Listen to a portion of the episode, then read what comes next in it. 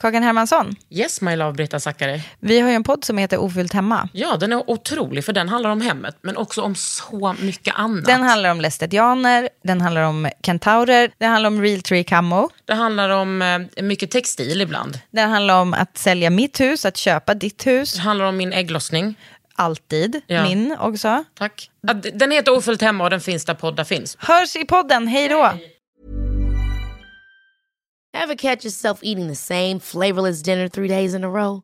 Dreaming of something better? Well, HelloFresh is your guilt-free dream come true, baby. It's me, Kiki Palmer.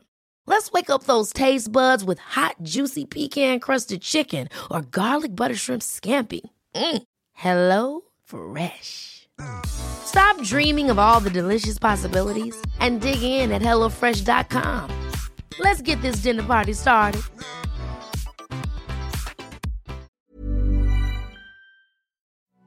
Idag kommer hon hit, den levande legenden. Alltså kanske den mest legendariska jag har haft i min podd, Susanne fucking Osten.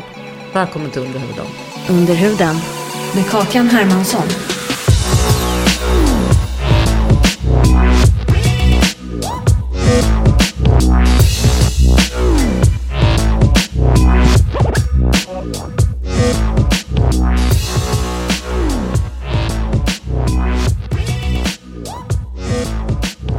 Igår kväll på min Instagram så kom jag på, just det, jag kan ju be folk eh, ställa frågor till dig. Alltså, men jag gjorde också det klockan halv tio för att jag är lite, du vet, eh, lös i hjärnan. Så har det kommit så många frågor. Nej. Jo, men vet du vad? Jag fick ett tips en gång från eh, en radiokollega. Jag jobbade länge på P3 som sa Kakan, du är alldeles för eh, transparent när du typ träffar folk som du gillar. Du kan inte börja med att säga bara, jag älskar dig. Jag bara, varför inte? Ja, men vadå? du är ju liksom, jag vet att det heter ju inte legend när man lever. Men du är ju en levande legend. Alltså. Hur känns det? Eh, Det är svårt att känna att jag är en legend eftersom jag lever som du säger. Ja, men en legendar. Ja, men det händer att jag, jag, jag tackar och prisar min stjärna för att jag är, är uppvuxen i, i Stockholm. Det är som om folk känner igen mig och gärna pratar. De kommer direkt fram och pratar. Aha. Alltså att jag känner mig som jag bor i en småstad och alla har sett den här människan vandra runt. Och det händer, inte jämt, men det händer att jag får åka gratis på bussen för att någon säger äh, du får passera, jag har sett din pjäs. Eller något sånt där. Så att på det sättet så känner jag mig som jag vore ganska skyddad i den här stan. Att du har liksom Jag har vänner. några hundratusen livvakter. Ah, ja, det är så skulle jag vilja säga. Jag känner att det här är min stad och jag har gått här sedan jag var liten unge på asfalten. Ja, men har du aldrig bott någon annanstans? Nej, utan jag har ju rest hemskt mycket. Jag har ju rest i 65 länder och har ju försökt sprida idéer och jobbat med den här idén om att barn ska möta vuxna konstnärer. Det har jag hållit på med i hela mitt liv. Så jag har varit, jag har varit, I've been around. Jag är en del av klimatkrisen som jag har flugit så mycket. Och Ja men snälla, det är vi så. alla. Ja. Så den generationen som jag tillhör är ju en som har skitat ner. Men eh, Men jag brukar tänka lite... Du har ju gett så mycket. Kan inte du få klimatkrisa lite då? Haha, jag får räkna ut min skuld sen. Nej, men det, det, det är inte första gången som det här, den här med skulden kommer in. Den, den, den, den meningslösa skulden. Den värsta tycker jag är det här med, med dålig mamma-skulden. Det är den, det är den vi, borde, vi kvinnor inte borde ha. Har du, hur, hur många barn har du? Ett. Och hon är 57. Så hon är en klok kvinna. Och sen har jag ett barnbarn som är roligt, som är 25 år. Otroligt. Mm. Själv? Startar tidigt. Vänta, jag orkar inte ens... Nej, jag var eh, 20. Ja. Ja. Och då var det någon... eh, Var det någon vänsterpappa som du hittade då, som du parade Ja, med? väldigt vacker pappa. Och som ville ha barn faktiskt. Eh, Och det var ju ovanligt. Men om man har en, en rotig bakgrund, rotlös bakgrund, så vill man ofta göra det bättre. Och Ja. tänker att nu har vi en plan. Rota fram någonting. Flera, flera. Nu ska vi göra det bättre. Men hade både du och han det menar du? Ja. Så det, vi hittade varandra med våra olyckliga tyska barndomar. Jag hade ingen pappa, han hade heller ingen pappa. Så vi tänkte att det här ska vi göra bra. Och efter två år så skilde vi oss och vi var aldrig gifta. Det, det var ju den stilen. Men om man ska ha en kille så tycker jag att det är väldigt härligt om de är vackra. Det var väldigt härligt. Alltså det tycker jag är att kunna, det har jag verkligen uppskattat på livets höst, höll jag på att säga. Mm. Är du, går du in i hösten nu? Jo, jag gick in i hösten det här året faktiskt när jag fyllde 40. Men det är en väldigt ljus höst och jag uppskattar, hösten är min favoritårstid om jag säger så. Nej, men jag har börjat uppskatta eh, vackra män. Ja. Och det Ja, är kul. Ja. Jag har upp, alltid uppskattat... Eh, Men bögar har alltid uppskattat väldigt vackra män och det blir så sorgligt då när människor åldras så är de inte vackra längre. ja, så det är hårda bögar, eh, ideal. Ja. Ja, men jag gillar... eh, Ja, det kan vara allt möjligt faktiskt. Kvinnor, män, däremellan. Men skönhet, Ja, verkligen. Men vadå, du, hur gammal är du nu sa du? 7-7. 77. Pigg som en fucking lärka. Jag stod och gjorde lite gymnastik utanför din dörr. Gjorde du? Ja. Och sen hör jag bara någon komma, dunk, dunk, dunk, dunk. Jag bara, min första tanke var så hon går väl inte på kryckor? Nej, då var den Dramaten. Ja, det var en dramatisk Kom- som, som kan klättra. Ah, Den kan gå i trappor. I ett par gröna Adidas-byxor. Det är Mm. Liksom, men det är liksom, det finns, eh, ni är typ så en klick lite äldre kvinnor, vad man säger. Marianne Lindberg, också bra stil. Anna, eh, Anna Ostrovsky, också på, på eh, Storan i Göteborg, väldigt cool stil. Ni är liksom, Ja, Jag, jag liksom undrar vad det är med er. Tror du att din liksom connection till samtiden, Det tror jag. ja, Det tror jag. Jag, är väldigt, alltså jag, jag inte ens vet varför jag hamnade i de här illgröna Adidas. Jag var bara tvungen. Jag, jag är fjärrstyrd av eh, tidens impulser. Det är ju samma som jag opererar med om jag gör film eller teater eller någonting sånt. Så är jag väldigt upptagen av saker som jag delvis kontrollerar. Och det ser man ju sen att ja, men det där är ju yttre krafter har lett mig, idéer har lett mig. Det är samma idé som jag använder i min tjocka bulliga bok här. Att jag vill låta tiden synas. Vad, vad, vad styrs vi av? Gener, ja. Föräldrar, ja. Öde, ja. Men samtiden är en väldigt stark formerare. Så att det är klart att eh, smak, impulser, mode, det där verkar spännande, det där vill jag se. Allt det där. Och jag kan bli så avundsjuk också att Jane Campion idag gör en western. Jag försökte göra det redan på eh, 80-talet. Fick du inte det, Nej, det fick jag inte. Därför det var väl ingen som kunde tänka sig att en kvinna då, i Sverige då, kunde göra en western Mm. då. Jag till och med startade upp skådespelare att rida på hästar och jag hade en väldigt bra manus. Vansinnigt spännande. Men jag fick ge upp det där och så gjorde jag en annan film istället. Men så är det ofta. att Tiden är väldigt eh, omottaglig för avantgarde. Alltså det går inte kommersiellt. Att vara avantgardist. Jag såg en sån film som jag tycker var helt märklig. Min kille Per, eh, han- pratat mycket om en film som heter Stuntmannen, en Hollywoodfilm från 80-talet. Hittade den på Youtube i ett konstigt format och tittade på den. Det var en otroligt självständig, egendomlig, märklig film. Grotesk på många sätt. Den handlar om en filminspelning och ett kriminaldrama som hade krockats. Hur kunde den filmen göras? Det är sånt som jag sitter och tänker på. Den hade liksom inte någonting rätt. nej men den var fri från eh, omvärlden eller? Alltså den, den görs i Hollywood med alla resurser. För det är en filminspelning som är väldigt påkostad. Allting kraschar och går upp i bitar. Men den är också grotesk, ironisk, hemlig. Eh, den har många riktningar och avsikter. Och omoralisk på många sätt. Kvinnobilden är väldigt intressant och de halkar omkring i lera och kärleksparet har, de är polyamorösa. Det är liksom en väl, väldigt undantag. Och det, man kan ju alltid drömma om att vara det där undantaget när man gör eh, film. Men det är väldigt svårt att slinka in i det. Men, jag menar du är väl ändå ett undantag? Teatern har kunnat tolerera det. För teatern är inte så dyr som filmen. Nej, men jag tänker bara, eh, alltså du som eh, alltså politisk person har väl ändå varit det liksom eh, sen din karriär började?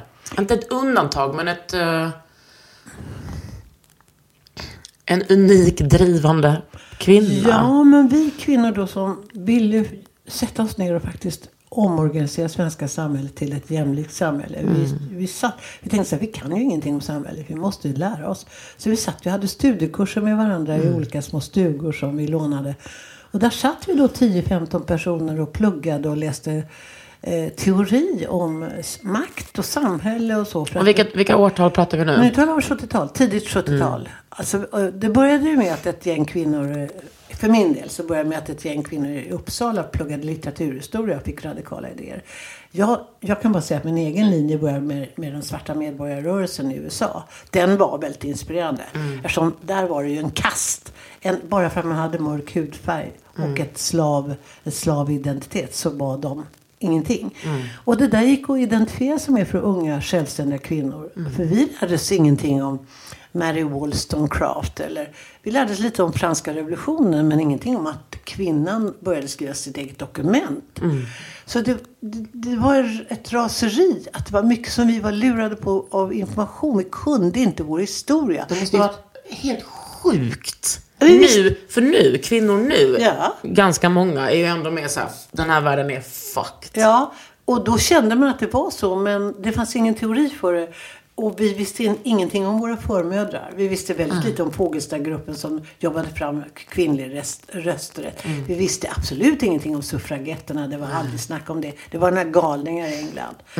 Men om man nu tänker på upptäckten av kvinnliga konstnärer. Jag kommer ihåg den chock som eh, den lilla ankdammen Svensk kulturvärld fick.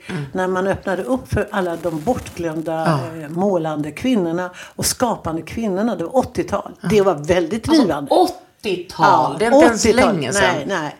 Och då gjorde jag den här filmen Mamma. Som, eftersom jag hittade min dagbok om min mamma. Så hon var inte bara sjuk, hon var en väldigt skapande person. Mm. Hon hade massa samarbeten bland annat med Brecht.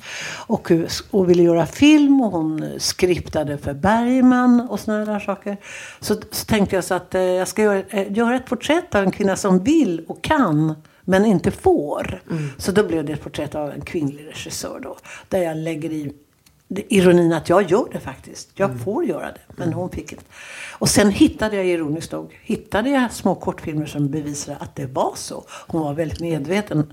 Var inte bara teoretisk eh, filmkritiker. Hon jobbade praktiskt och gjorde film. Wow. Och detta visste inte du då? Nej, det visste jag inte då, men jag hade alltså rätt kan man säga. Mm. Alltså att, eh, hon samarbetar också med Birgit Kullberg och det fanns ju en myt att kvinnor kunde inte samarbeta. Jo, det hade de försökt Mm. tidigare eftersom de var utestängda från egna produktioner.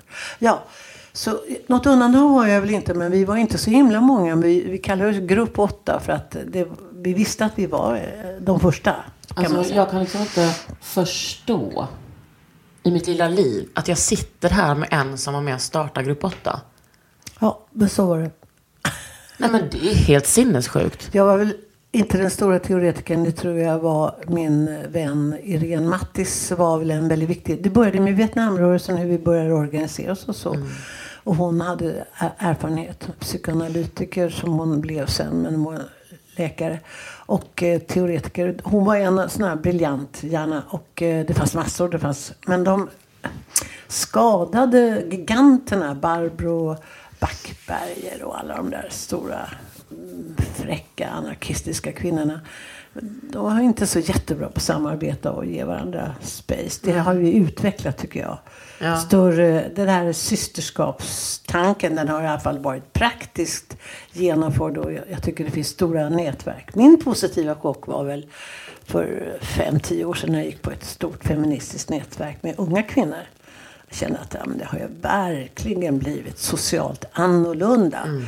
Vi Alltså, hade- systerskapet känns ju eh, så självklart nu. Ja. Alltså, jag tänker bara på när jag eh, var, började bli aktiv feminist. Alltså i slutet av 90-talet som anarkist liksom. Mm. Och då pratade vi mycket om systerskap. Men det var ändå det var lite segt. Nu, den, alltså de här generationerna, kvinnorna, alltså de kvinnorna. varandra, ja. Det är liksom helt självklart. Ja. Jo, jag ser också det i hela arbetet med boken och överhuvudtaget. Så titta på kulturlivet. Det är så väldigt aktivt drivet av kvinnor. Och jag var ju nu på en resa med min egen generation. Vi-resor har ju sån där kulturvärldar. Så Lasse Berg, en generationskompis som talade om bushmännens godhet i Kalahariöknen till idag.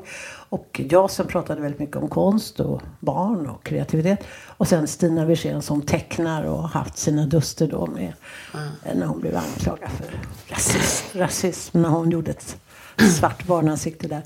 Eh, vi hade ju en del saker att berätta och provocera. Men det var det att vi var omgivna av 60 personer i min generation som var så pålästa och så engagerade.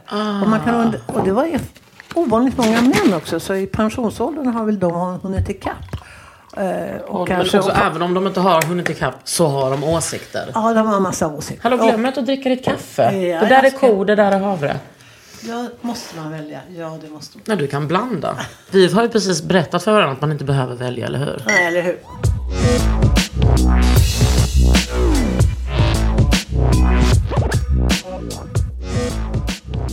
Men jag, jag vill veta hur... Jag är uppvuxen med två politiska föräldrar som, som liksom tog avstånd från den rörelsen för att den var så medelklass.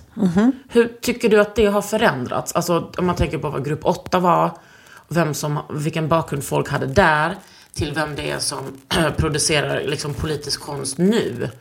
Kan du se liksom en, en förändring? Ja, det är väldigt opolitiskt nu tycker jag. Alltså, jag. Jag tycker nog att det problemet är att det känns opolitiskt. Det känns eh, som vi var väldigt pressade av den formulerade vänstern hela tiden som var på oss. Så vi var tvungna att definiera oss hela tiden ifrån eh, eh, klassorättvisor. Och gjorde bra eh, analyser och även på teatern när jag jobbade med barn. Och eh, fightades mycket med socialdemokraten Kent Andersson som sa att varför ska ni överhuvudtaget spela för för borgarnas barn. Och, och man fick försvara sig att barndom är barndom. Det spelar faktiskt ingen roll var man... Man kan inte välja var man föds. Gud, man måste ju också uppfostra små socialister i borgerskapet. Man måste uppfostra barn till sin frihetliga vilja. Och eh, alla försöker äga barnens hjärnor. Var det en socialdemokrat som sa det? Ja, Tänk, åh, det skulle liksom nej det kan man inte idag aldrig tänka hända sig. nu. Nej, det kan ingen man inte tänka ingen sig. skulle formulera sig så. Men det var klass, klass mot klass. I Göteborg var ju väldigt mycket R, en R-politik, en radikal stalinistisk Mm. vänster. Och så var det en socialdemokratisk vänster med väldigt starka ideologiska krav på renlärighet och tillhörighet till partiet. Mm. Och så var det vi. Och så var det vi som skulle formulera ett socialistiskt samhälle för kvinnor. Och hur skulle det se ut? Ja, det var naturligtvis daghem. Och eh, arbete och särskattelagstiftning. Vi ville inte vara ihop. Vi, vi var inga fruar till några män. Vi var självständiga ar- arbetande varelser. Men hur, jag tänker att un, under ert arbete och liv, att ni hela tiden var tvungna att förhålla er till att bli godkända av andra. Jag ser det annorlunda. Jag ser att där det är starka krafter måste man motdefiniera sig. Så att Vi var väl väldigt bra på att ta upp. Vi var ju socialister. Jag var nog mer av en frihetlig typ och inte stalinismen. Jag var varnad eftersom min pappa och flydde från Gestapo. Och mamma eh, var eh, socialist, skrev sossepressen. Så de var, och hon- jag har hittat artiklar av henne när Stalinrättegångarna började. De började jaga alla intellektuella och skjuta dem och så. Så att, jag tror att jag var vaccinerad, om man säger så. Från de där väldigt revolutionära attityderna. Men däremot är ju klassorättvisorna fruktansvärda, fortfarande olösta. Men vi försökte bara kämpa för ett utrymme där killarna i den starka vänster som jag då kom, var omgiven av, de sa kvinnofrågan finns liksom inte, den är underordnad den allmänna utvecklingen och det där är en borgerlig, Borgerlig fråga. det, det och HBTQ. Och då fick vi slåss för att, eh, och då gjorde du den där definitionen att du har du har eh, kapitalistgubben med höga hatten som sitter på arbetaren, så arbetaren sitter på kvinnan och kvinnan skurar golvet. Så att det dubbla förtrycket på- talade vi mycket om i våra bulletiner då som vi gjorde. Men sen så började, för, för höll, höll den typen av vänsterrörelse förkvävde faktiskt eh, vår grupp. Så att jag började jobba med kulturkamp istället. Alltså kvinnor av olika eh, konstnärer. Och Sonja Åkesson var en av dem som ingick i kvinnokultur då. Så vi började jobba mera med, jag gled väl ur den här eh, studievänstern så att säga. Och, och, och aktivist. Och började göra mer teater. Det är liksom helt sinnessjuka namn som du bara slänger med. Äh, Sonja Åkesson. Mm. Förstår du liksom att det är overkligt för mig att höra allt det här? Du ser ju ut som du hänger med. Ja, men jag menar overkligt. Det är så många legendarer som du pratar om. Ja. Du vet, jag har också vuxit upp med att min mamma, du vet, kom från, ja men, arbetar underklass från Trollhättan. Hon beställde hem Bulletinen. Och gick och sålde på Trollhättans... Mm. Oj, liksom, eh, För det var vår ständiga Torget. diskussion. Hur ska vi nå ut? ja. Och jag var mer aktivist så jag började, ju lägga ut oss. Att vi, hade, vi gjorde stormöten på Stadsmuseets gård. Hade vi sen föreställningar men innan dess. Så jag hade goda relationer med museichefen. Så vi fick låna lokal där. Och när vi gjorde en liten tidningsannons att nu går vi ut och vill diskutera kvinnofrågan. Då kom det hundratals kvinnor. Så då bildade vi såna här lokala grupper i Stockholm. Och eh, vi var inspirerade av den amerikanska frihetligt organiserade och Gräsrots. studentvänstern, studenterna. Det var väldigt eh, mycket ett ideal där, där eh, vi ville vräka det gamla samhället undan och ta bort det auktoritära. Men amerikanerna var så bra på att sitta i grupper och titta på eh, underlivet i speglar och använda kroppen som... Alltså de hade en, en, en annan... Det var ju också de som tillät känslor och att man skulle arbeta med systerskapet och att man skulle hålla koll på de dominanta så att det inte bara blev så att vi som var väldigt formulerade höll i, i gruppen. Så det var, mycket, ganska, det var ganska tufft att vara feminist. Man skulle jobba med sig själv hela tiden. Ja, och, och jag tycker nu också att, eh, att vi feminister måste ha sånt otro, otrolig självkännedom och självinsikt och alltid ifrågasätta oss själva på ett sätt som typ så vanliga snubbar aldrig skulle göra. Ja, men till nästan en, en gräns där att vi förintar oss själva. Där kommer väl hela den här eh, patriarkala figuren, mannen som ska vara på det här sättet och kvinnan som ska vara på det här sättet. Det har ju skapat en uthållighet hos kvinnor att jobba väldigt hårt och bevisa att jag, jag gör allting rätt och jag jobbar väldigt hårt med och det jag säger har jag täckning för. Medan många män kommer undan genom att eh, jobba på fel sak. Att jag är någon i mig själv som har makt. Medan de flesta män har ingen makt. De och har de gissar. Killgissa är ju ändå ett bra uttryck. Ja, men det har att göra med olika förväntningar. Att eh, förväntningarna på mannen var intellektuellt sett eh, både, både högre och lägre. Medan kvinnan har varit någon eh, underdog och, och, och jobbat på. Och den dåliga självkänslan som vi bar på, alltså att vi inte duger, vi måste bevisa mer. Det har ju också gett att man ser att, här, att kvinnorna rycker fram överallt. När jag var i Mongoliet, då var det så att killarna söp och ramlade runt på torget för de hade tappat sina yrken. Och de hade inga ambitioner. De hade ju varit väldigt skickliga eh, nomadiserade vad heter det, herdar kan man säga. Och kvinnan hade skött markhållningen. Nu avancerade kvinnorna in på universiteten och det var det liksom, de tog över allting. Och skilsmässorna var liksom 98 procent. Ehm, Undrar om det... Vänta, Mongoliet? Ja. Det var, Ulan Bator, alltså den, den delen av Mongoliet som eh, Sovjet hade hållit förut. Ja. Så det fanns ju liksom skolor. Men nu var det ändå så att de tog all hö- hö- högre utbildning. Och vi ser det i hela västvärlden. Mm. Att kvinnorna går fram. Där vi har kunnat vara starka är ju inom det intellektuella och skola och så vidare. Såklart, vi är inte dumma direkt. Nej. Men sen ska vi också straffas för det. Jag menar, jag tänker en... Jag tänker i heterosexuella relationer så är det ju fortfarande sådär att kvinnan kommer hem och så fortsätter hon sitt arbete. Ja, det var det där dubbla förtrycket som vi höll på med. Men det är svårt att komma ifrån tror jag. Så. Men de modernt uppfostrade männen, de där som var barn till feministerna, de tycker jag är annorlunda. Och jag har ju träffat ganska mycket unga feministiska killar som har eh, pluggat eh, och haft andra ideal faktiskt. Så jag ser ju på att det här håller på, det här är ingen vinnande gammal mansroll att hålla Nej. fast vid. Nej, jag hoppas att det är så. De där incels, de är ju en, en, en väldigt patetisk grupp. Farliga. Ja, men jag tänker de patetiska. som inte är incels, utan de som, och inte de som är, drivs av sina feministiska ideal, utan den stora gruppen som är däremellan, som är bara en vanlig man. Att de fort, de tycker, vet, det krävs så lite för män för att tycka att de är så otroliga. Att tycka att de är feminister för att de har en feministisk tanke. Men när de kommer hem så ser det ändå likadant ut. Alltså det provet är ju rättvist. Vad är rättvist? Ja. Och då vet jag att jag, när jag fick ett pris en gång av Tage Danielsson, namnet, eh, så gick, attackerade jag ändå hans roliga novell Rättvisa Gudrun. För jag, tyck, jag kunde inte stå ut med att de här väldigt fina och roliga komikerna alltid såg ner på rättvisetanken och att vi var löjliga som drev rättvisa. Men minsta sexåring kan ju dela en kaka rättvist. Så att det, är ju, det finns ett inbyggt kunskap om vad rättvisa är.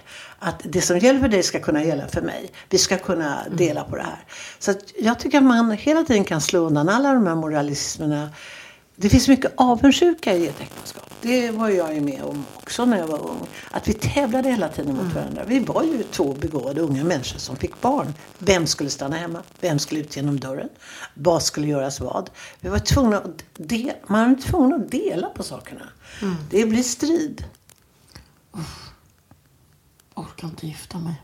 Nej, det jag- behöver man, jag har aldrig varit gift. Jag har aldrig varit gift. Men det där med, ja och det, då ska ju liksom äktenskapet vara precis tvärtom egentligen. Att man ska ta hand om varann och... Bästa sättet är att varsin, ha varsin lägenhet och träffas frivilligt. Men det går ju inte vet. ekonomiskt. Och ha någon annan också vid sidan av. Ja, om jag får det- säga vad jag vill. Ja. Under huden. Ready to pop the question? The jewelers at BlueNile.com have got sparkle down to a science with beautiful lab grown diamonds worthy of your most brilliant moments. Their lab grown diamonds are independently graded and guaranteed identical to natural diamonds, and they're ready to ship to your door. Go to BlueNile.com and use promo code LISTEN to get $50 off your purchase of $500 or more. That's code LISTEN at BlueNile.com for $50 off. BlueNile.com code LISTEN. Quality sleep is essential. That's why the Sleep Number Smart Bed is designed for your ever evolving sleep needs. Need a bed that's firmer or softer on either side? Helps you sleep at a comfortable temperature? Sleep Number Smart Beds let you individualize your comfort so you sleep better together. JD Power ranks Sleep Number number 1 in customer satisfaction with mattresses purchased in-store. And now, save 50% on the Sleep Number limited edition Smart Bed for a limited time. For JD Power 2023 award information, visit jdpower.com/awards. Only at a Sleep Number store or sleepnumber.com. Då har det blivit dags för frågestund slash hyllningsstunden. Vi börjar med Evin Ahmad. Hon har jobbat med dig. ja, eller jag vet vem Evin är. Ja. det är en underbar. Jag har ingen fråga, men jag vill bara säga att hon är en förebild. Hon skriver i versaler. Sen är det Oh my god vad mäktigt, jag älskar henne. Sen är det Säg att vi älskar henne. Ja, det är mycket här. Här är en riktigt bra fråga. Som, lite som det jag började med. Ja. Hur har hon upplevt att vara dyrkad av så många? Det har jag inte upplevt. Utan jag har nog känt motvind och konflikt. Och här måste jag göra. Och så har jag känt eh, samhörighet när jag har jobbat i ett lag. Men jag har också råkat ut för ganska mycket, eh, ska vi säga, hårda nederlag som jag har fått kämpa mig upp ur. Så jag har nog inte upplevt att jag är dyrkad. Nej, jag Då kan... skulle jag haft en starkare position. Då skulle man inte kunna lagt ner min teater. Då skulle man ha vält himmel och helvete för det. Men medierna la sig rätt platt för min chef när han la ner mitt teater efter 30 år. Så funkade det väldigt bra. Och så jag hade inte gjort några fel eller så. Eh, Det tar det som ett exempel. Jag kände att jag hade inte folk med mig. Men jag tänker att så här, min generations feminister är, ser ju dig som typ en, alltså som en så gudinna. Ja, tänk varför har jag ingen kontakt med det då? Utan är det för att den verkliga makten eh, kan eh, visa sig och, och säga nej och eh, trycka till en och så. Och då syns, då blir det ingen kamp. Jag tänkte när min teater försvann alltså, så försökte jag ju kämpa mot det. Och då, då var det sådana rörelser i samhället att man tog bort det var, det var inte bara min teater, det var ju massor Vilken av saker. teater var det? Det var Unga Klara. Och när man la ner den, och det här är ju väl eh, början av 2000-talet, då hade man ju lagt ner många processer, kreativa processer i, på många andra saker. I vården försvann ju hela det här med samtalsterapi, byttes ut och blev bara kognitivt. Och det var många saker som också försvann, därför vi ha, eh, hade blivit thatcherister allihopa. Eh, och trodde på evidensbaserade saker och det var fakta och det var papper och dokumentation. Och det gick att ta bort allt som var flum. Det blev ju väldigt populärt att säga att, all estetik och all konstnärskap och allt det där som du och jag är, bara- är beroende av. Det, det är vårt, vårt utrymme. Det, ska, det ska bort. Och då kan man ju eh, undra vem det är som använder de orden och vem det är som lägger värderingar i de orden. Det finns ett folkförakt mot konst. 100 procent. Och det är ju inte direkt vänstern som håller på så. Det är faktiskt en okunskap som många har. Ja. Jag, jag tycker inte att vänstern var en, en frihetlig zon för nya tankar. Nej. Det tycker inte jag att det var. Det, alltså det här konsten är ju en Men det är inte som att Frank, rebellisk det är akt. inte som att Frank både liksom var peppad på liksom unga Han hatade Klara homosexuella. och typ kvinnor. Och typ kvinnor Ja. och typ konst för barn. Varför Ja. det? Det är borgerligt. Alltså det, det där rebelliska som konsten har. Mm. Det har ingen politisk rörelse någon större förståelse för. Det, Mm. det behöver man arbeta sig till. Det är ju en ifrågasättande av allting. Mm.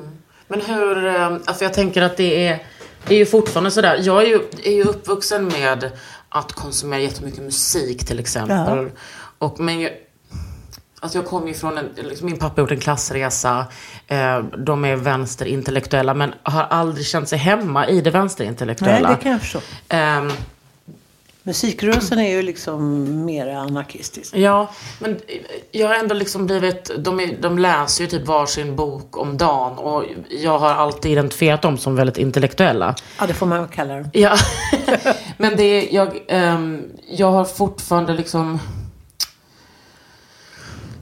Alltså jag har svårt att ehm, identifiera mig trots att jag liksom har gått på konstfack och undervisat på konstfack. Och en, jag menar, min position nu i samhället. Jag har fortfarande svårt att eh, hitta hem i så här, eh, vem jag är och vem liksom, vilken klass jag tillhör. Hur, alltså hur såg din sån resa ut? Jag är väldigt tydlig på den punkten när jag jobbar med unga människor. Där ber de ställa sig. Är du arbetarklass eller är du medelklass eller är du överklass? Och så försöker jag få dem att inte skämmas för, för det de är. De flesta ställer sig alla i medelklasshörnan. Och då får man sortera ut och säga. Ja, det kanske är så du idag identifierar dig. För att du kommer bli lärare eller konstnär eller någonting sånt. Men var kommer du ifrån? Och det är väldigt intressant. För att om man förnekar det vad man har för erfarenhet, då kan man inte göra något intressant. För då måste man ju ljuga och glömma bort erfarenheter som vi redan som din fyraåring registrerar och kan och vet. Om man bara sorterar bort det och säger att det gäller inte för att jag är, jag är det här som alla andra är. Vi har ju en enorm drift att ställa oss där alla är. Precis, och jag tycker att det, jag kommer ihåg när jag sa till min mamma när jag var, alltså jag kanske var 12 år, att jag var medelklass. Hon bara, hon bara sätter i soffan. Du är inte medelklass. Du är arbetarklass. Ja. Jag var så här, men vadå medel, man har väl det medelbra. Hon bara, nej, nej, nej, nej, nej. Det är en förvirring av begreppen. Verkligen. Nej, och då men- var jag ändå väldigt klassintresserad som, Ja. som Nej, ung. men nej, jag tror att vi... Eh, jag är inne på att det finns saker som... Eh, vi är desinformerade. Och de som var emot kvinnans frigörelse i vänstern eh, var... Ja, ibland var de rent okunniga bara. Men också... det finns en desinformation som också kvinnor har gått på. Eh, Vem är jag och vad ska jag göra? Och, och en förvirring. Men i, i det här fallet så...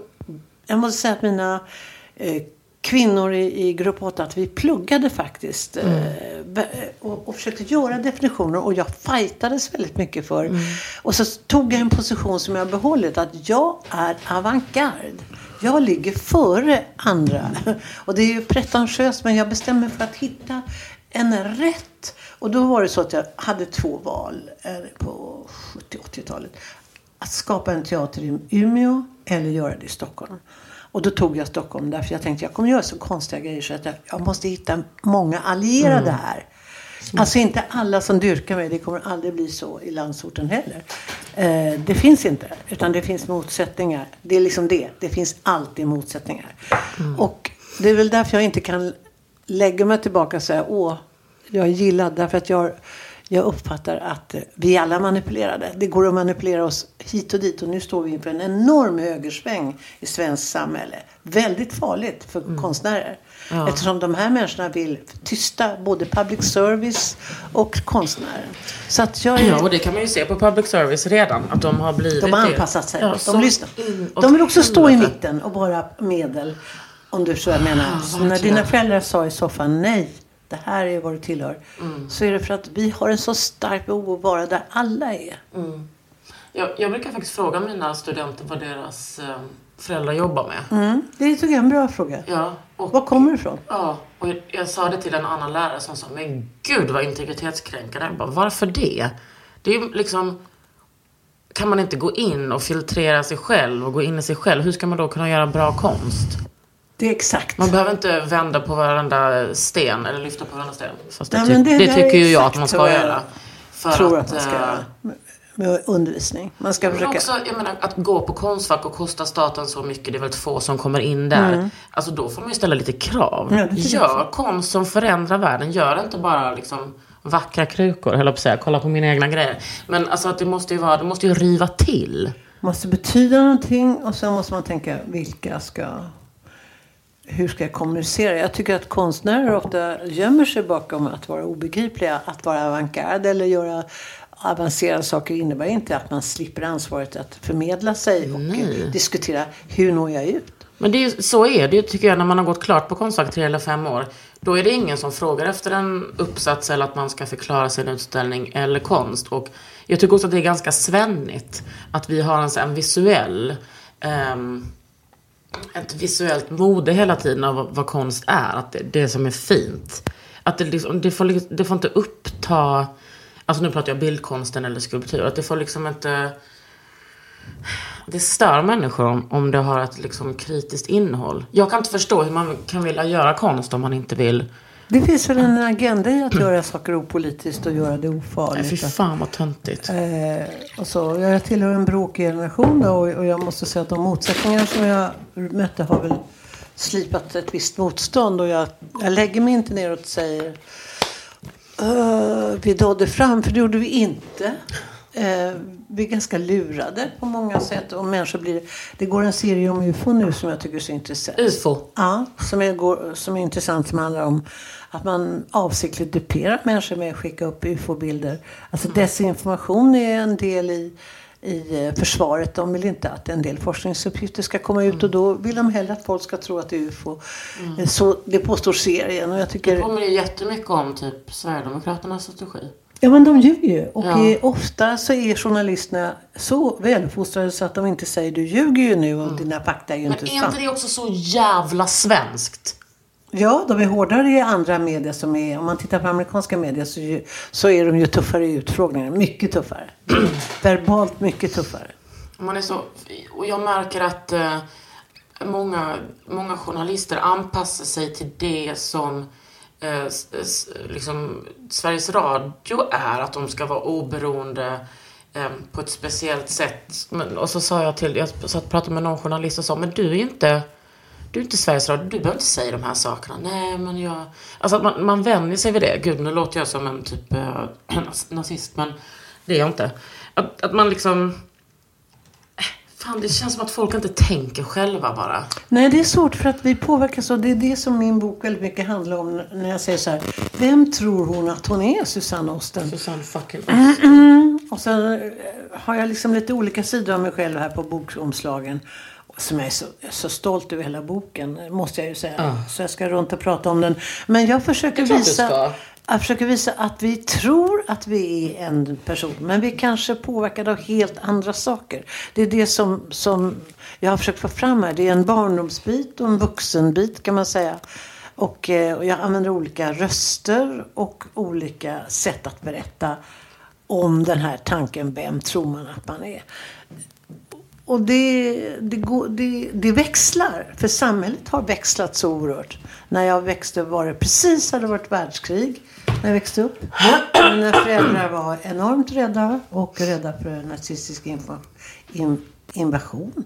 Och, och sen blev mamma sjuk och min pappa försvann. Det var en helt, liksom ett väldigt fattigt samhälle efter kriget i Sverige. Ändå var vi rikare än hela Norden som hade haft nazisterna där. i Hur ockupation. försvann din pappa? Ja, han försvann. Och sen så kom det en vuxenperiod där jag var vuxen från 19 års ålder. Jag tog mig snabbt till vuxenheten för det var ett överlevnads...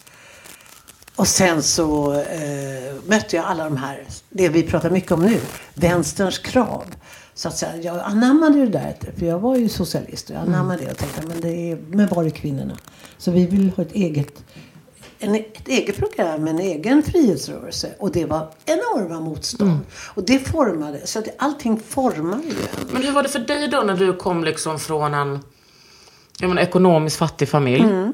Eh, och, och liksom kom in i vänstern och det som blev grupp 8. Och jag menar, där var det väl många eh, barn till eh, intellektuella akademiker. Och, alltså hur, känn, hur tyckte du liksom att den klass... eh, vad ska man säga? Det Det- klassmötet var... Det var i- väldigt levande bråk om det hela tiden. Mm. Det var ju faktiskt så att giganterna stångade som noshörningar Mm. i kvinnorörelsen. Alltså Barbro Backberg med sin klasstillhörighet och sin otroliga liksom, agitatoriska kraft. Och var kom hon ifrån? Ja, hon kom från arbetarklassen. Ja. Stångades med Irene Matti som också kom från arbetarklassen men hade utbildat sig till läkare. Så att vem var mest proletär? Och, då, och det var väldigt sådana eh, märkliga men- romantiska diskussioner. Vem var mest Alltså proletär? att jag skrattar för att exakt så här var det liksom i min ungdom också. Ja. Men man fick inte, eh, alltså det var helt, det var så det var så jävla mycket att de som var medelklass skulle bestämma eh, vem som var arbetarklass. Ja, så var det väldigt mycket. Och dominansen, vi diskuterade det här väldigt mycket, vi hade dåligt samvete. Vi hade i min arbe- arbetsgrupp hade vi just en arbetarkvinna och hon var ju vår hjälte. Det här var ju i en period när vi var medvetna om att vi var privilegierade. Det tror inte jag är så nu. Utan privilegiet har blivit ideologi. Och det, så var det inte då. Utan alla var, alla var medvetna om att det fanns skillnader. Men det var inte positivt att vara den privilegierade. Nu är det det. Och det var, jag fick ju något sån här Fryshusets pris för livsgärning. Och där fick jag en t-shirt där, som jag tycker är så fruktansvärt bra. Det var mitt pris. Use your fucking Jag privilege. vet, jag har sett den. Den tycker jag är så bra, den parallell. Alltså att, ja, det är inget fel på att vara privilegierad. Men du måste använda det då. Och du måste göra en riktig analys. Som Precis det jag ska säga, det kräver ju att man har en analys och Moral. kan bena ut. Och ja, jag älskar det. Att man, och att man förstår att någonstans har man ju en liten bit privilegium och kan använda just den, även om man är förtryckt på andra sätt. Alltså, jag har ju hela tiden identifierat mig som en underdog. Ja. Med liksom kom från en familj som inte hade några pengar. Ehm, mamma undersköterska med sin bakgrund. Pappa med sin bakgrund som gjorde en klassresa förvisso. Men det var, jag kom på det typ för något år sedan. Jag bara wow, så där har inte jag tänkt på flera år. Att jag är underdog. Det slutade jag ju identifiera mig med för ganska länge sedan. Men det var liksom en stor skillnad för mig. Ja, men det är rätt också att se. Jag, jag, jag, jag har fått nya tankar om barndomen. Att jag ser barndomen som en passage. Och eh, jag fick, får ofta frågan, håller du på med barn för att du hade så eh, hemsk barndom? Och, och, nej, absolut inte. Jag håller på med alla de här sakerna för att jag mötte så intressant och inspirerande motexempel i konst, kultur och ja, i det intellektuella. Så att man kan säga att du var väldigt resursstark. Du fick en massa verktyg Ja. av dina eh, ja, materiellt eh, placerade i arbetarklassen. Men i arbetarklassen fanns det också människor med väldiga ideal. Och det hade ju min pappa. Han undervisade ju sina kompisar i marxism när han var tonåring. Och det är den största fördomen mot arbetarklassen. Att man inte är intellektuell, att man kan, att man inte är driven. Ja, just det. Att man bara är en kropp. Så avslöja myterna men avslöja också den här självpatetiken och min liksom och det här gegget som jag håller på med som jag också public service är fullt av. Snyftprogram där man ska liksom bekänna eller avstå eller, eller ta avstånd från eller gråta över.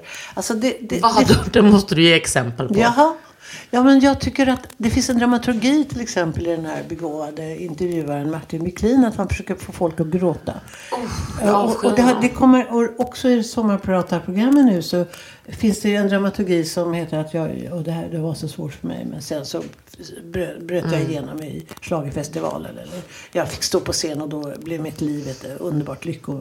Ja, det finns en fullkomligt felaktig dramaturgi som driver mig till vansinne för att det är, ständig, det är ett ständigt arbete att eh, arbeta som konstnär och, och medmänniska i den här förfärliga världen med sådana orättvisor. Mm. Varje dag som vi säger en klyscha så måste vi tänka så här. Samtidigt ligger ett par barn utan filtar på polska gränsen och kan Mm. inte sova på grund av kölden. Alltså deras föräldrar försöker rädda livet på dem. Det har dött 11 personer hittills vid den gränsen. Mm. Man måste ju ändå ha proportioner. Den där olyckliga barndomen, den var ju bara en passage till det här livet. Vad ska vi göra med våra... Man, kan gå i, man måste ju då gå i terapi, för man kan inte hålla på och fucka upp andra och sig själv hela livet. Nej, det tycker jag är en bra Ja. idé. Så det, det kan vi ta i hand på. Precis, och och jag menar, sen Terapeuten kan ta en del av vårt gnäll.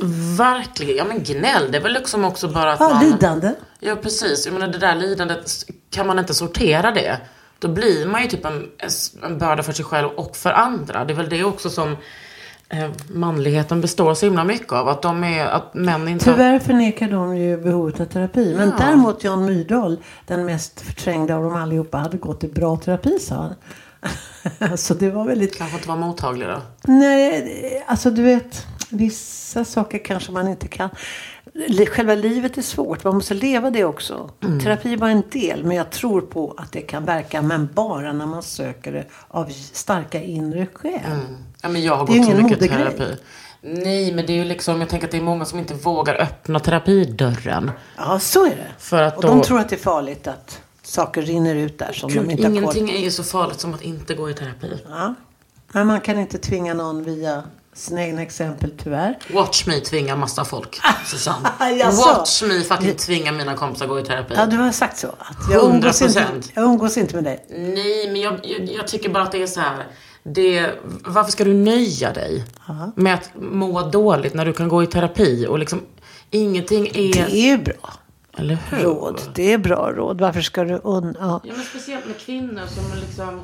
Fan, jag försöker nå min, min liksom fulla kapacitet hela tiden.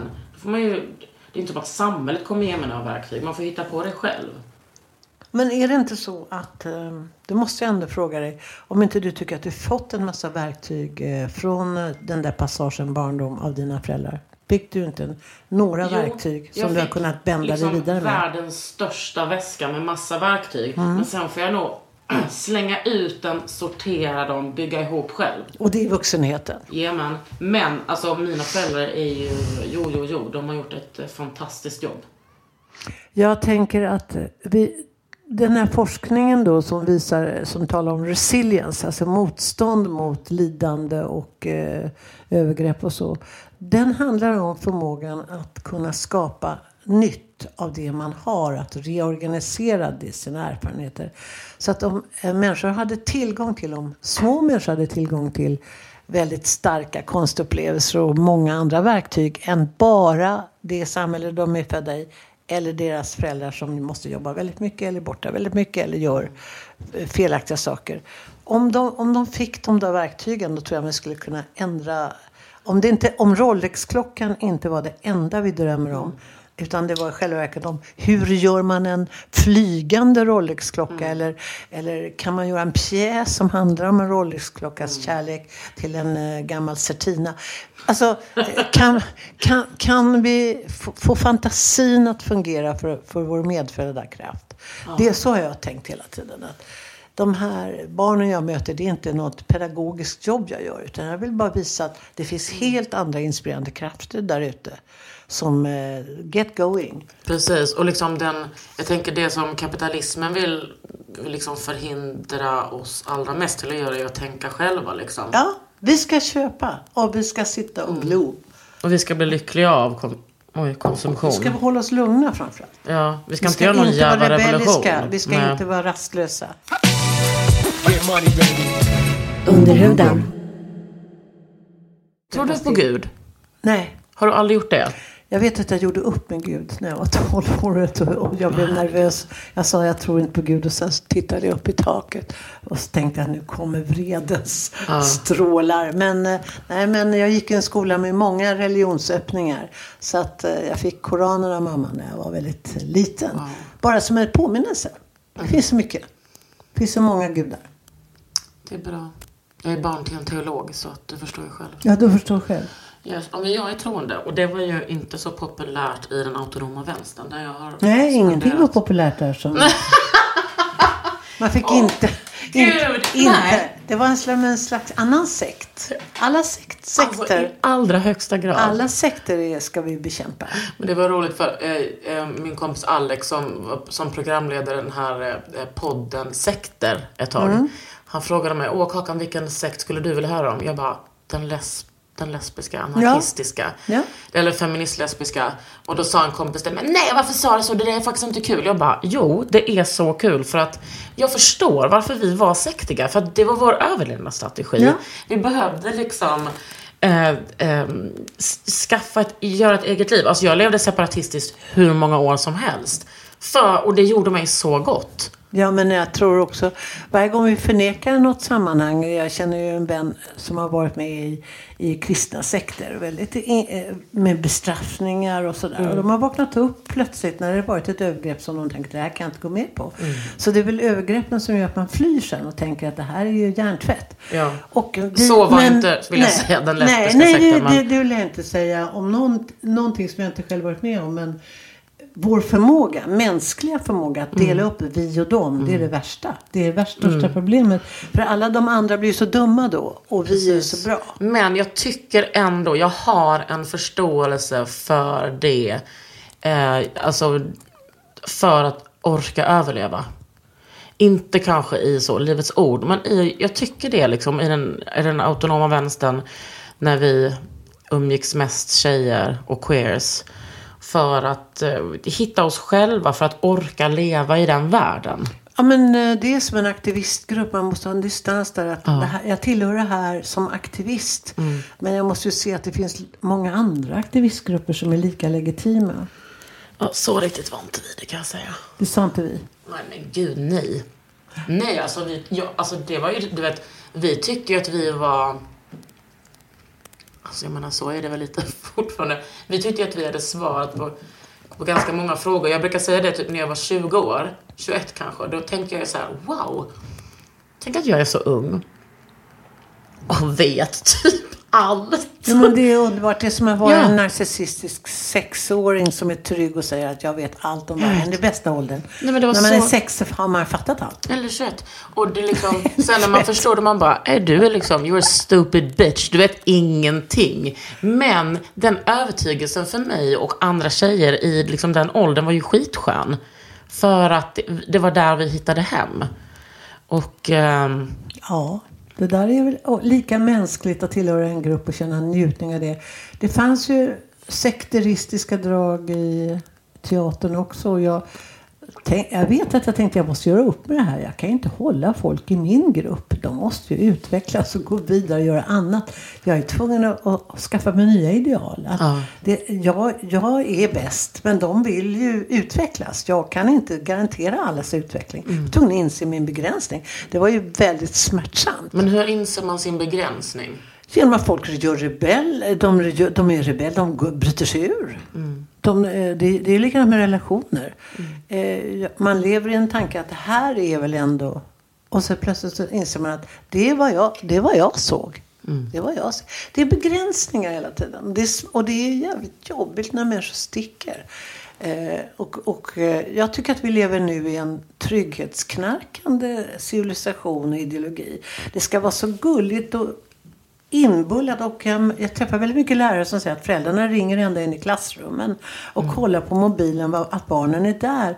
Och de ringer kanske sju, åtta samtal för att kolla att innehållet i en pjäs eh, inte är upprörande för barnen. Alltså det har kommit en en censurerande, ångestfull ton in i, alltså det där var ju inte jag med om. Det var ju ingen som såg. Jag åkte ju fritt på stan och gick till skolan själv och allt det där. Idag är det ju en väldigt trygghetsskapande, ångestfull föräldramiljö. Är inte det där en, liksom en del av så liberalism, att man tror att man kan forma eh, att man kan välja så mycket. Att man hela tiden Ja. tror att man kan välja, eh, att man kan så bara cherry pick sitt liv. Det kan Ja, man dels inte. har vi en sån här valfrihetsideologi Mm. som kommer av den här Thatchers starka nyliberala eh, idéer om omformning. Det har ju trängt igenom väldigt mycket fast det är rätt omodernt rent ekonomiskt nu så det, det fasas nog ut.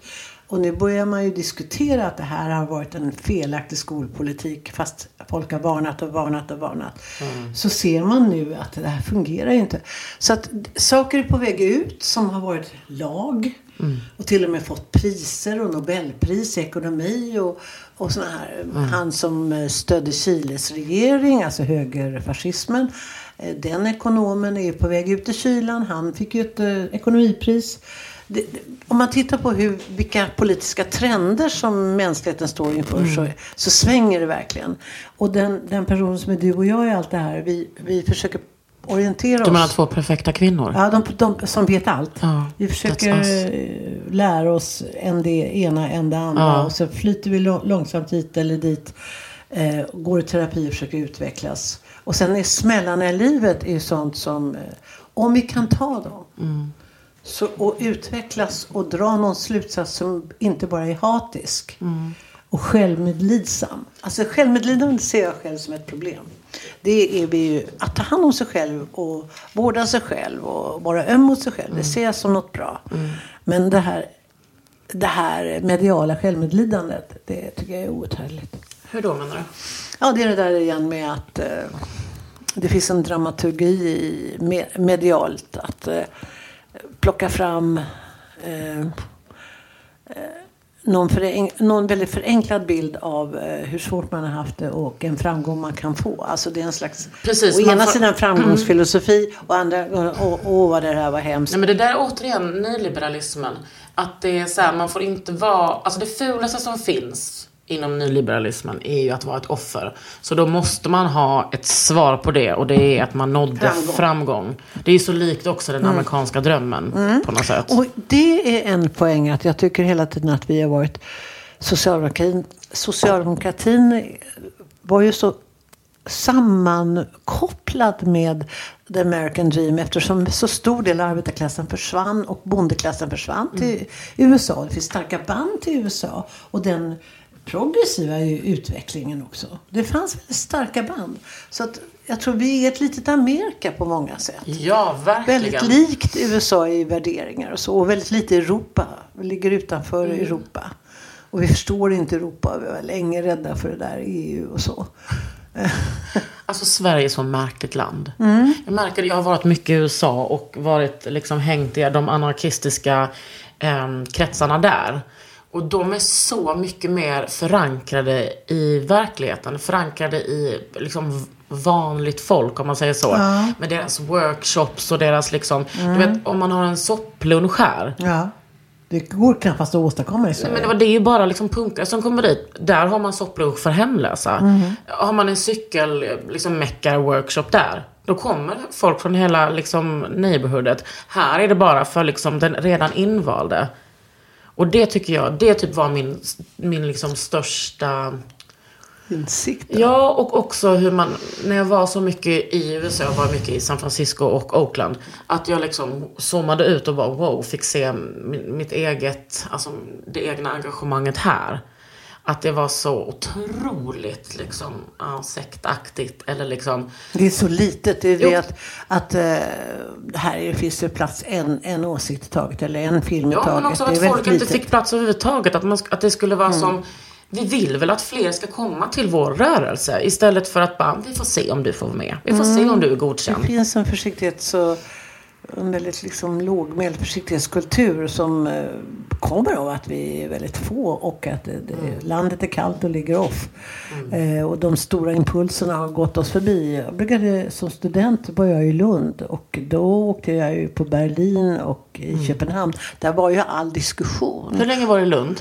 Ja, det var jag i fem år. Vilken nation? Nej, jag var ingen nation. Alltså, jag tror kanske jag var... Det nationslivet var inte... Det var studentteatern som var, gällde. Ah, ja, ja, Så jag ja. var väl inskriven i någon nation. Smålands måste du varit med i. Vänsternationen. Vi säger det, vi säger Ja, det, vi säger det, vi säger det. Men det här var långt innan vänster. Men det blev ett sociologiskt uppvaknande och jag var i Paris 68 när, när allting började hända. Och eh, man såg, och vi gjorde texter och föreställningar om det i min fria grupp då. Så 68 var en, 67, 68, 69, det var liksom wake up call. Eh, Och då tog jag väldigt mycket. Jag var ju Europavän. Mina föräldrar var i Europa, Europa. Och eh, franskorienterad och tyskorienterad och det, hela den tragedin.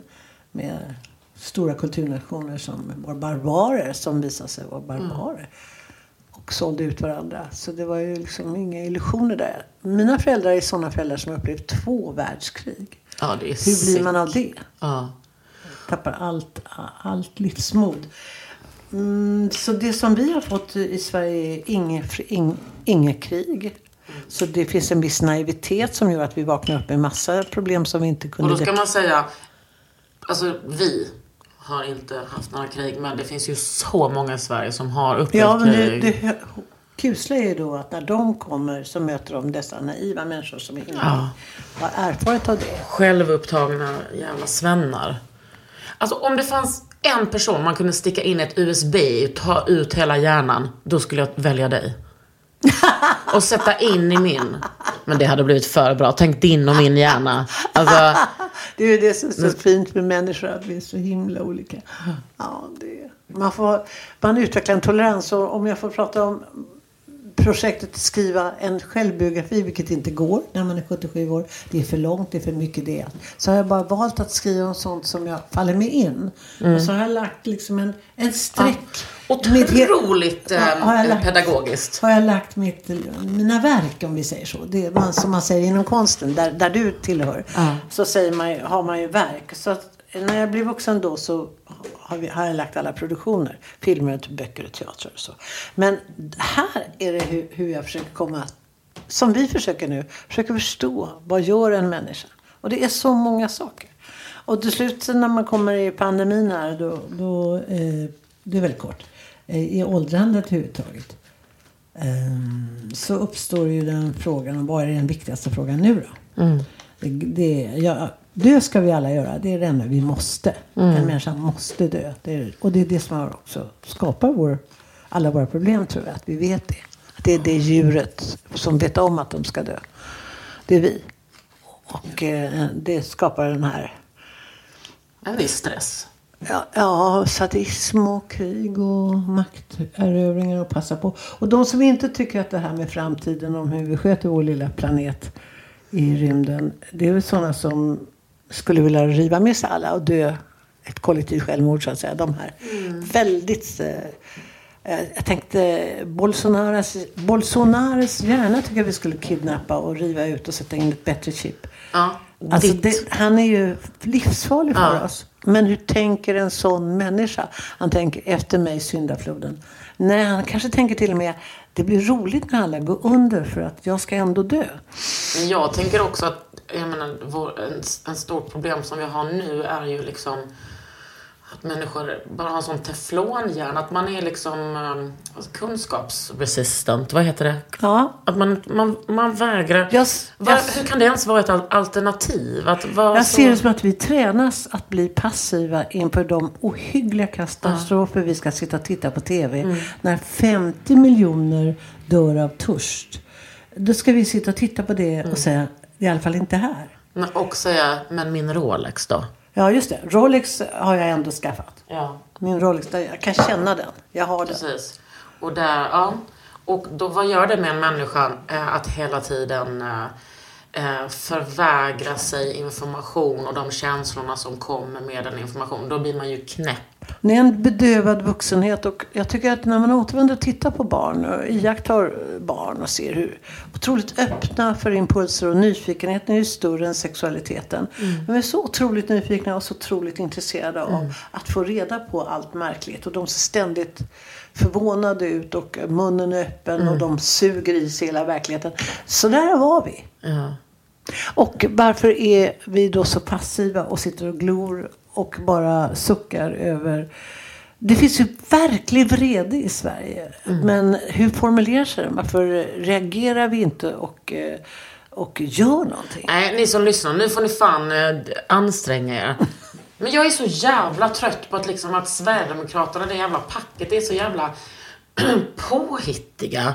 De är skickligt mediala och det är där de kan Ja. nå oss eftersom vi tycker att det är så beundransvärt att titta på så mycket bilder och sitter och glor. Ja. Och de är skickliga vad jag förstår på... Nej, nu är det ni som anstränger er. Eh, Jag heter Kakan Hermansson.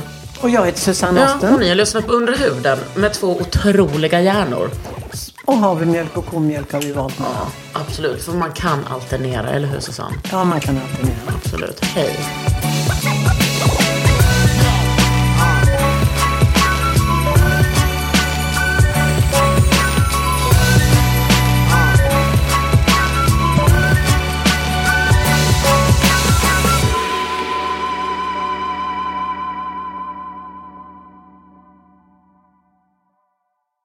En podd från Allermedia.